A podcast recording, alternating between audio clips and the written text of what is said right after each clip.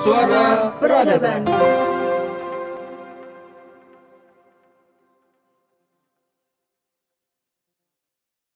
Suara Peradaban, balik lagi nih bareng Vindi dan Gazali. Wede. Menyambut Halo semester baru. guys. Yoi. Yoi. Apa kabarnya nih teman-teman para pendengar Suara Peradaban nih? Di apa namanya? semester semester baru dan teman-teman baru kita yang baru masuk nih merasakan dinamika-dinamika kampus. Yoi.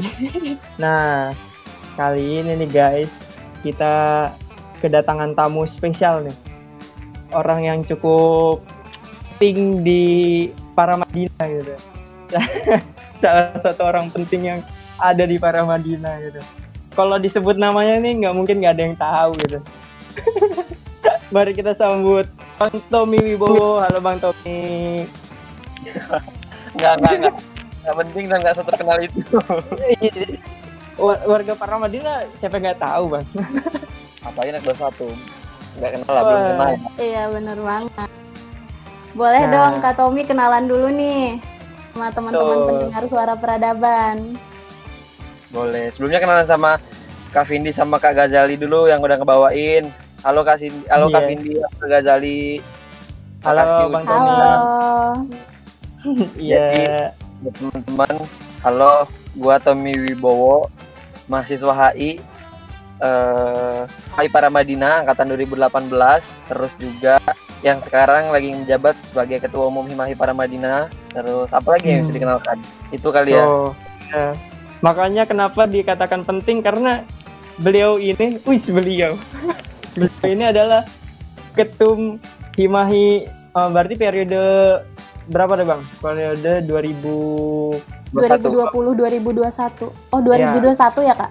2021 karena kita Hmm. pelantikannya di Januari 2021 dan insya Allah Demis nanti Desember 2021 jadi satu periode satu tahun hmm, kalender Hmm. tahun gitu Gi- Gimana nih Kak perasaannya jadi ketua umum Himahi?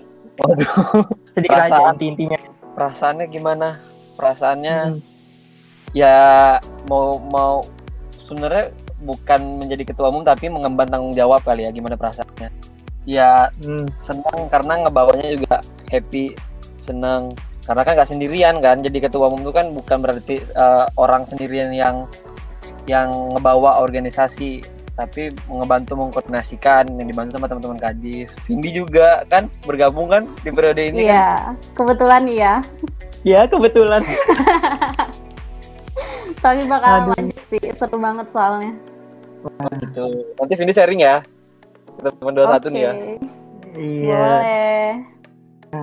Ini tadi ngomongin nih kegiatan ya, kegiatan uh, selama di Paramadina nih Bang Tommy menjadi ketua umum Himahi otomatis kan udah melalui banyak lika-liku gitu kan. Nah, ini uh, mungkin berkaitan juga nih sama uh, apa yang akan kita obrolin pada malam eh pada malam kan pada hari ini gitu mengenai poin.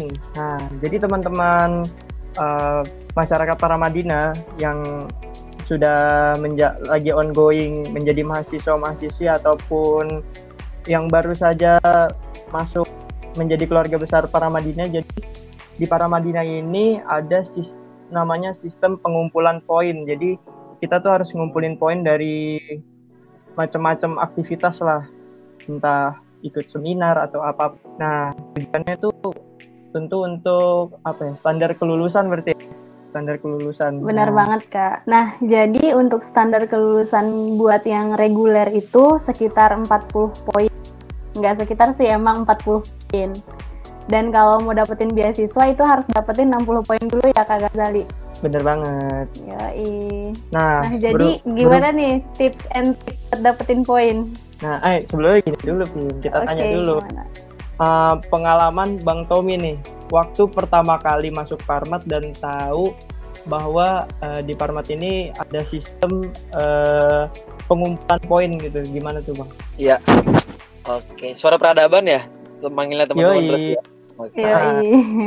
Jadi lupa menyapa te- teman-teman suara peradaban. Halo teman-teman suara peradaban, selamat datang di podcastnya Parmax. Oke, kalau ngebahas ini, hmm, eh, gimana sistem poin di kampus kita sebenarnya menarik sih sebenarnya bagus karena kan eh, tridharma perguruan tinggi kan salah satunya kan pengabdian masyarakat nah mungkin dan penelitian juga pendidikan nah itu mungkin bentuk-bentuk yang bisa diimplementasikan adalah melalui kegiatan-kegiatan di luar kampus. Nah mungkin eh, bentuk reward yang kita dapatkan dari kegiatan-kegiatan yang kita lakukan di luar bukan luar kampus di luar akademik. Hal akademik adalah ber- berorganisasi ikut kepanitiaan yang nanti hal-hal itu bisa ditukar dengan poin. Nah tapi mungkin eh, nggak tahu kalau menurut teman-teman sekarang apakah 40 itu masih relevan sebagai kelulusan atau tidak. Tapi kalau menurut eh, gua pribadi sih masih oke sih masih masih masih oke sih. Cuman yang mungkin kurang relevan adalah eh, kebentuk kegiatan yang ditukarkan sama poin. Misalkan gini Vindi bergabung di kepengurusan himpunan mahasiswa HI para Madinah itu kan periodenya kan satu tahun. Vindi ngurusin Himahi eh, Vindi menjadi wadah bagi teman-teman HI-nya selama satu tahun. Vindi mendapatkan poinnya dua transkrip tuh senilai dua poin. Ini kalau nggak salah kalau misalnya masih begitu peraturannya ya itu dua poin turunnya. Nah sedangkan kegiatan yang dilakukan sama Vindi itu satu tahun periode gitu nah mungkin kalau kalau tadi nyambung ke Vindi tips and trick ikut kegiatan tuh eh, ikut organisasi, organisasi itu penting. Tapi kegiatan-kegiatan di luar organisasi pun juga penting. Karena poin ini juga ternyata eh, nggak cuma terpaku sama kegiatan-kegiatan yang ada di dalam organisasi. Misalkan tadi Ghazali mention misalkan ikut webinar. Terus juga eh, teman-teman yang di rumah aja sekarang ini join Karang Taruna juga bisa ditukarkan jadi poin loh. KI gitu. Terus Berarti nggak harus ngikutin organisasi yang ada di kampus aja ya kak, bisa ngambil dari luar kampus juga. Dan nanti kegiatan itu bisa ditukar sama poin gitu. Iya, jadi mungkin kayaknya DKI lebih memfleksibelkan karena emang menyesuaikan kondisi kan. Tapi kan kayaknya sekarang juga kegiatan kampus juga udah adaptif, udah banyak kegiatan-kegiatan online. Maksudnya udah banyak proker-proker yang berjalan, cuman bentuknya sekarang udah beda online. Gitu kali. Jadi ya kalau dibilang gak usah ikut berorganisasi, ikut gitu. Jangan bukan bukan karena poinnya ditukar dua, tapi karena yang lebih dari itu, maksudnya teman-teman bukan cuma dapat poin, tapi dapat pengalaman, dapat pelajaran, Iya. experience-nya, iya. Nah ngomongin soal ini nih kak, aku tuh pengen na- jadi pengen nanya deh, menurut kak Tommy seberapa efektif sih tuntutan poin itu bisa menjadi faktor pendorong untuk mahasiswa aktif berkegiatan gitu kak? Contohnya kayak berorganisasi. Sementara eh, ini kita ngambil contoh ya, mis- misalnya ada yang males nih buat ikut organisasi. Nah, terus dia tuh lebih milih kayak beli sertifikat dari beli sertifikat gitu Kak dan nanti ditukar sama poin kayak gitu karena malah ikut organisasi. Nah, menurut Kak Tommy itu gimana? Seberapa seberapa efektif tadi pertanyaannya ya? Iya, Ya, awalnya seberapa efektif gitu. seberapa efektif eh sebenarnya in- poin itu kan sebagai sebagai salah satu indikator yang digunakan sama pihak kampus untuk nge-trigger kita berkegiatan di luar akademik. Kalau pada akhirnya ternyata ada teman-teman yang menjadi itu sebuah apa ya sebuah formalitas belaka untuk cuma lulus doang karena jadi akhirnya dampaknya ada yang eh, beli ser- sertifikat gitu-gitu ya Vin ya nggak pernah denger sih kalau kayak Iya, gitu sih betul. karena karena 40 untuk empat tahun kuliah tuh bukan suatu hal yang yang sulit ya kayaknya ya karena kita join di webinar aja satu kali join kita dapat satu poin gitu kan masa betul. sih empat selama empat tahun kita cuman ikut eh maksudnya kita nggak bisa ikut 40 webinar katakanlah kalau misalkan webinar aja. Tapi kan kita juga tergabung sama kegiatan-kegiatan kayak apa? Ops- ospek ospek ospek baik ospek Iya. dari kampus ospek jurusan gitu-gitu. Tapi kalau dita- ditanya lagi seberapa efektif eh gua pribadi sepakat sama sistem poin dan mm, cukup efektif untuk nge-trigger teman-teman untuk berkegiatan. Karena kan sebagai salah s- kegiatan minat-minat atau apa ya? Minat atau gairah untuk keorganisasian itu kan sekarang kan agak menurun ya karena emang situasi sih. Nah jadi dengan adanya itu tuh menjadi seba- sebagai tuntutan untuk kita untuk kita berdinamika di luar akademik gitu. toh juga emang enak ya kalau misalkan kuliah tuh cuman kuliah doang gitu nggak ngapa-ngapain Kupu-kupu. Kupu-kupu. Kupu-kupu gitu ya. Kupu-kupu kuliah pulang kuliah pulang ya Apalagi kalau kegiatan yang ada di kampus tuh seru-seru banget ya nggak kak? benar. Makanya teman-teman eh, yang mendengarkan podcast ini nih jangan takut gitu untuk mendapatkan poin. Sebenarnya poin tuh gampang aja, asal kalian eh, aktif gitu, jangan pupuk kupu gitu. Nah, Bang, tadi kan ngomongin uh, poin itu sebenarnya mudah didapat dan apalagi kita selama berkuliah selama 4 tahun kan dan uh, poin yang diberikan tuh biasanya maksimal dua gitu apa minimal satu gitu kan. Nah, sekarang Bang Tom itu poinnya berapa, Bang? Uh, lupa belum ngecek lagi. 51 baru 50-an 51. Wow. Wow. Bang Tommy semester berapa bang? semester tujuh wajar lah. Tuh. Oh. Banyak yang lebih banyak yang sampai over point sampai 100, 80 gitu-gitu hmm. karena emang 40 tuh gampang lah teman-teman. Iya. Apalagi di para gampang banget. Banyak. Ikut Parmax dapat poin. Bikin iya, podcast kan Pindik kan? sama Gazali kan? Dapat lah. Dapat, oh. dapat. Ya, ah. Nah, nah, berarti kan sebenarnya mudah gitu. Nah, kira-kira tips and triknya tuh bang untuk mendapatkan poin sampai 50 mini eh, kayak Bang Tommy gitu kan sampai di semester 7 ini udah 50 berarti kan ibaratnya untuk syarat kelulusan juga udah aman gitu gitu tips and triknya gimana bang? Mm.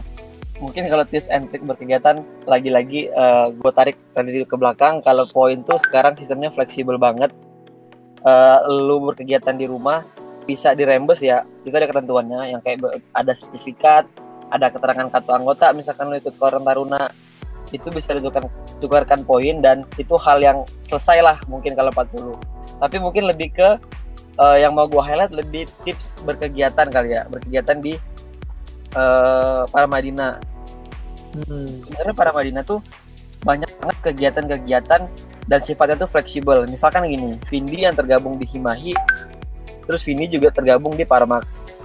Dan itu nggak ada masalah gitu. Vindi eh, ikut ngurus Himahi, tapi Vindi juga ngurus di Parmax. Itu nggak ada masalah. Jadi bisa ke mana-mana aja gitu. Terus juga para Madinah tuh nggak ngebatasin kalian untuk ber- untuk untuk apa? Untuk berekspresi, untuk bergerak, untuk nyari, untuk explore karena banyak banyak banget UKM UKM terlepas dari mana ada UKM UKM yang bisa teman-teman ikutin untuk berkegiatan gitu jadi ja- pertama mungkin jangan jangan ragu buat nanya kalau bingung kalau apalagi teman-teman suara peradaban yang baru masuk pasti masih takut nanya masih malu-malu itu sih karena udah mahal-mahal kuliah kalau masih malu-malu pulang aja lah ke SMK lagi SMA Hmm. lagi aja lah. Terus Nanya. Iya. nanya ke temennya nanya ke kakaknya kak kira-kira Hmm. misalkan join di Parmax kira-kira Parmax ada kegiatan apa aja dicari kalau misalkan di UKM-nya atau di organisasi teman-teman nggak ada kegiatan tanya sama kakak-kakaknya yang ngurusin. Tanya sama Kak Vindi nih di Himaya ada kegiatan apa aja? Tanya sama Kak Ghazali di Parmax ada kegiatan apa aja? Nah setelah itu kalian lihat kira-kira kapasitas diri eh, teman-teman tuh ada di mana? Kira-kira misalkan mau join UKM atau minat bakat UKM itu unit kegiatan mahasiswa para Madinah. Kira-kira teman-teman tuh sukanya di mana? Misalkan di tari teta join teta nah ternyata di teta tuh ada divisi-divisinya lagi untuk kepengurusan misalkan Hmm, kita gue ini orangnya apa ya, orangnya suka banget gue tuh orangnya humas banget misalkan bisa suka ngobrol suka ngobrol sama orang baru Mencari relasi. Iya. iya suka nyari-nyari karena kan itu dampaknya kan juga positif ke kita ya maksudnya kita jadi Iya. eh, ngobrol sama ngobrol sama instansi luar jadi kan link buat kita pribadi kan Betul. jadi itu cari udah udah kalian nanya udah tahu ada kegiatannya apa cari kapasitas diri kalian kira-kira di mana. Jadi ngejalanin juga Iya. happy karena yang mau ditekankan paling ikut kegiatan tuh voluntary jangan sampai kalian ikut kegiatan karena terpaksa. Jadi beban gitu bang ya. jadi beban. Sama juga jangan jangan mengharapkan poin karena kegiatan yang kita lakukan tuh eh, poin tuh bonus lah. Tapi yang kalian dapat bisa lebih dari poin gitu. Kalau kalian eh, aware sama apa yang kalian lakukan apa yang kalian apa yang kalian berkegiatan itu gitu Bener banget. Tapi kak, kadang ada juga nggak sih misalnya nih yang udah mencoba untuk memilih mengikuti kegiatan nih. Nah, masing-masing kegiatan yang kita ikutin itu kan ada interviewnya tuh. Tapi uh, kebanyakan yang udah nyoba interview terus gagal, nah jadi males lagi untuk untuk ikut kegiatan yang lain karena ada interview-interviewnya gitu. Terus kayak ngerasa ah pasti gue nggak bakalan keterima nih. Ah kayaknya gue nggak nggak cocok deh. Kayaknya gue nggak bakalan keterima. Kayaknya gue nggak mampu Nah, banyak pasti yang mikir kayak gitu, Kak. Nah, itu menurut Kakak gimana? Oh, iya sih, banyak yang interview benar nggak keterima. Lagi, kalau misalkan emang kalian orientasinya poin, banget hal yang kalian lakukan bisa jadi poin. Tapi kalau misalkan bentuk penolakan suatu kegiatan, ya wajar lah itu bagian dari proses nggak sih? Toh, uh, gue pribadi menjadi ketua umum nggak langsung jadi ketua umum juga. Proses-proses penolakan ada proses-proses pembelajaran di dalamnya. Penolakan itu kan bukan berarti kalian selesai kan? Iya, bukan berarti Cuman gagal juga. bukan berarti gagal juga apalagi itu itu udah pasti. Nggak mungkin lo gagal dalam hidup lo karena ditolak sama satu instansi yang emang lo pengen. Kayak tadi misalkan udah nanya kegiatannya apa udah tahu kapabilitas diri di mana dan tujuannya ke situ. Kalau ditolak ya udah. Toh juga kegiatan di kampus ini nggak sestrek itu. Maksudnya lu ditolak di Himahi dalam satu divisi lu bisa ikut kegiatannya. Lu ditolak dalam kegiatan yang satu di humas GMP misalkan lu bisa ikut di humas humas yang lain acara-acara yang lain gitu. Hmm. jangan apalagi udah ada experience ya. iya jangan cuma ngeliat satu ikan lah banyak ikan di, di lautan gitu. Iya, penolakan hmm. itu bukan penghalang segalanya ya kak. Jadi teman-teman yang udah pernah ditolak, tetap usaha lagi, bangkit lagi, coba lagi, jangan cepat move on di situ aja. Cepat move on. Terbentur, terbentur. Iya, iya bener banget. Nah, uh, tadi kan Vindi sama Gazali ada ada penolakan emang. Apaan? Kenapa kak? Pernah ada experience penolakan? Um, uh, selama masuk kuliah belum pernah sih kak, tapi sebelum kuliah pernah. Iya. itu juga mungkin menjadi satu alasan kenapa kita ada di Paramadina. ah, iya betul. Siapa tahu Paramadina jadi ruang yang yang bisa bikin berkembang lebih mungkin ya, mungkin. Benar banget. Soalnya uh, kita sebagai manusia tidak boleh terpaku pada satu hal sih teman-teman soalnya uh, deng uh, untuk kita berkembang itu banyak wadah yang dapat kita seperti misalnya kreativitas lain kayak ya misalnya kayak podcast atau kita uh, ikut dalam organisasi apa gitu kan udah kita bisa mengembangkan diri habis itu kita juga bisa mendapatkan benefit lain gitu kayak experience dan ilmu-ilmu lain lah yang mungkin di uh, di kampus pun di akademik kita mungkin belum dapat gitu. Tapi di dalam organisasi dan kegiatan-kegiatan itu kita bisa dapat gitu. Gitu jadi teman-teman jangan ragu buat daftar organisasi atau UK, organisasi yang ada di Paramadina yang sesuai sama minat dan bakat teman-teman semua.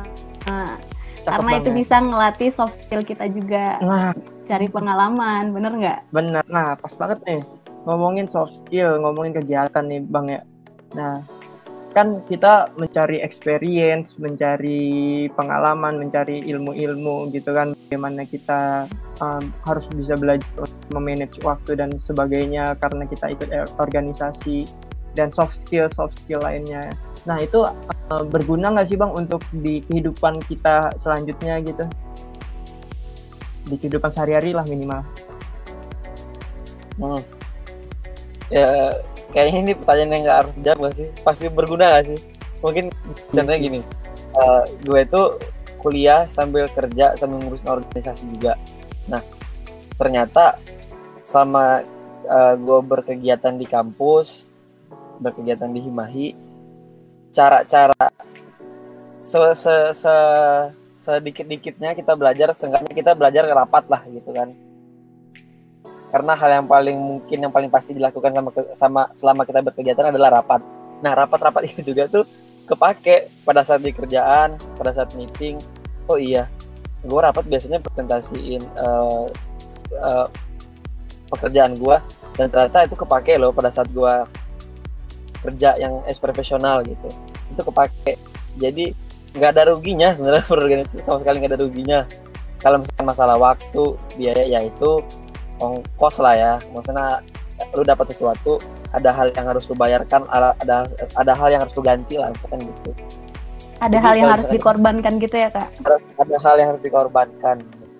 Terus juga kayak sesimpel kita uh, punya lingkungan sosial masing-masing itu juga kepake.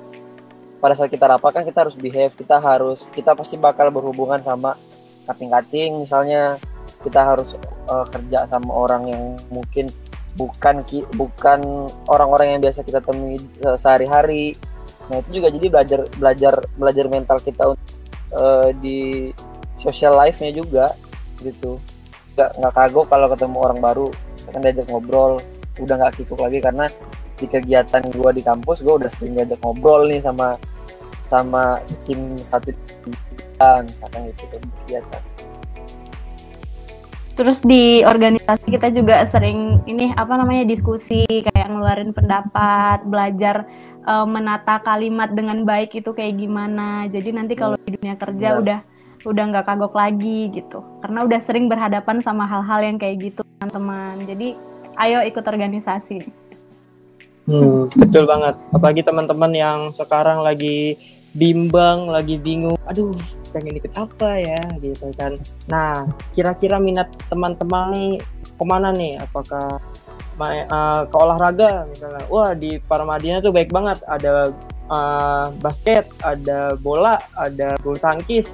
Bela diri juga ada ya kan terus kalau misalnya kesenian ada tari ada Paramadina Choir terus apalagi? Uh banyak banget. Sampai jurnalis juga ada ada parmak. Nah atau kalian mau mencoba hal lain misalnya uh, di kemahasiswaan misalnya kayak di Hima nih ada. Kalau teman-teman dari HI bisa masuk di Mahi bisa kalau uh, komunikasi bisa masuk komik dan sebagai dan lainnya dan lainnya gitu. Jadi teman-teman jangan ragu-ragu lagi untuk uh, memiliki aktivitas memiliki kegiatan biar lebih uh, produktif selama kuliah begitu. Ya Jangan kupu-kupu. Uh, nambah nambahin dikit nih. Karena kan kita kan mahasiswa tuh kan uh, apa sih? Maksudnya mahasiswa tuh ngapain sih selain kita belajar di kampus? Apalagi kita kan representasi bukan representasi sih.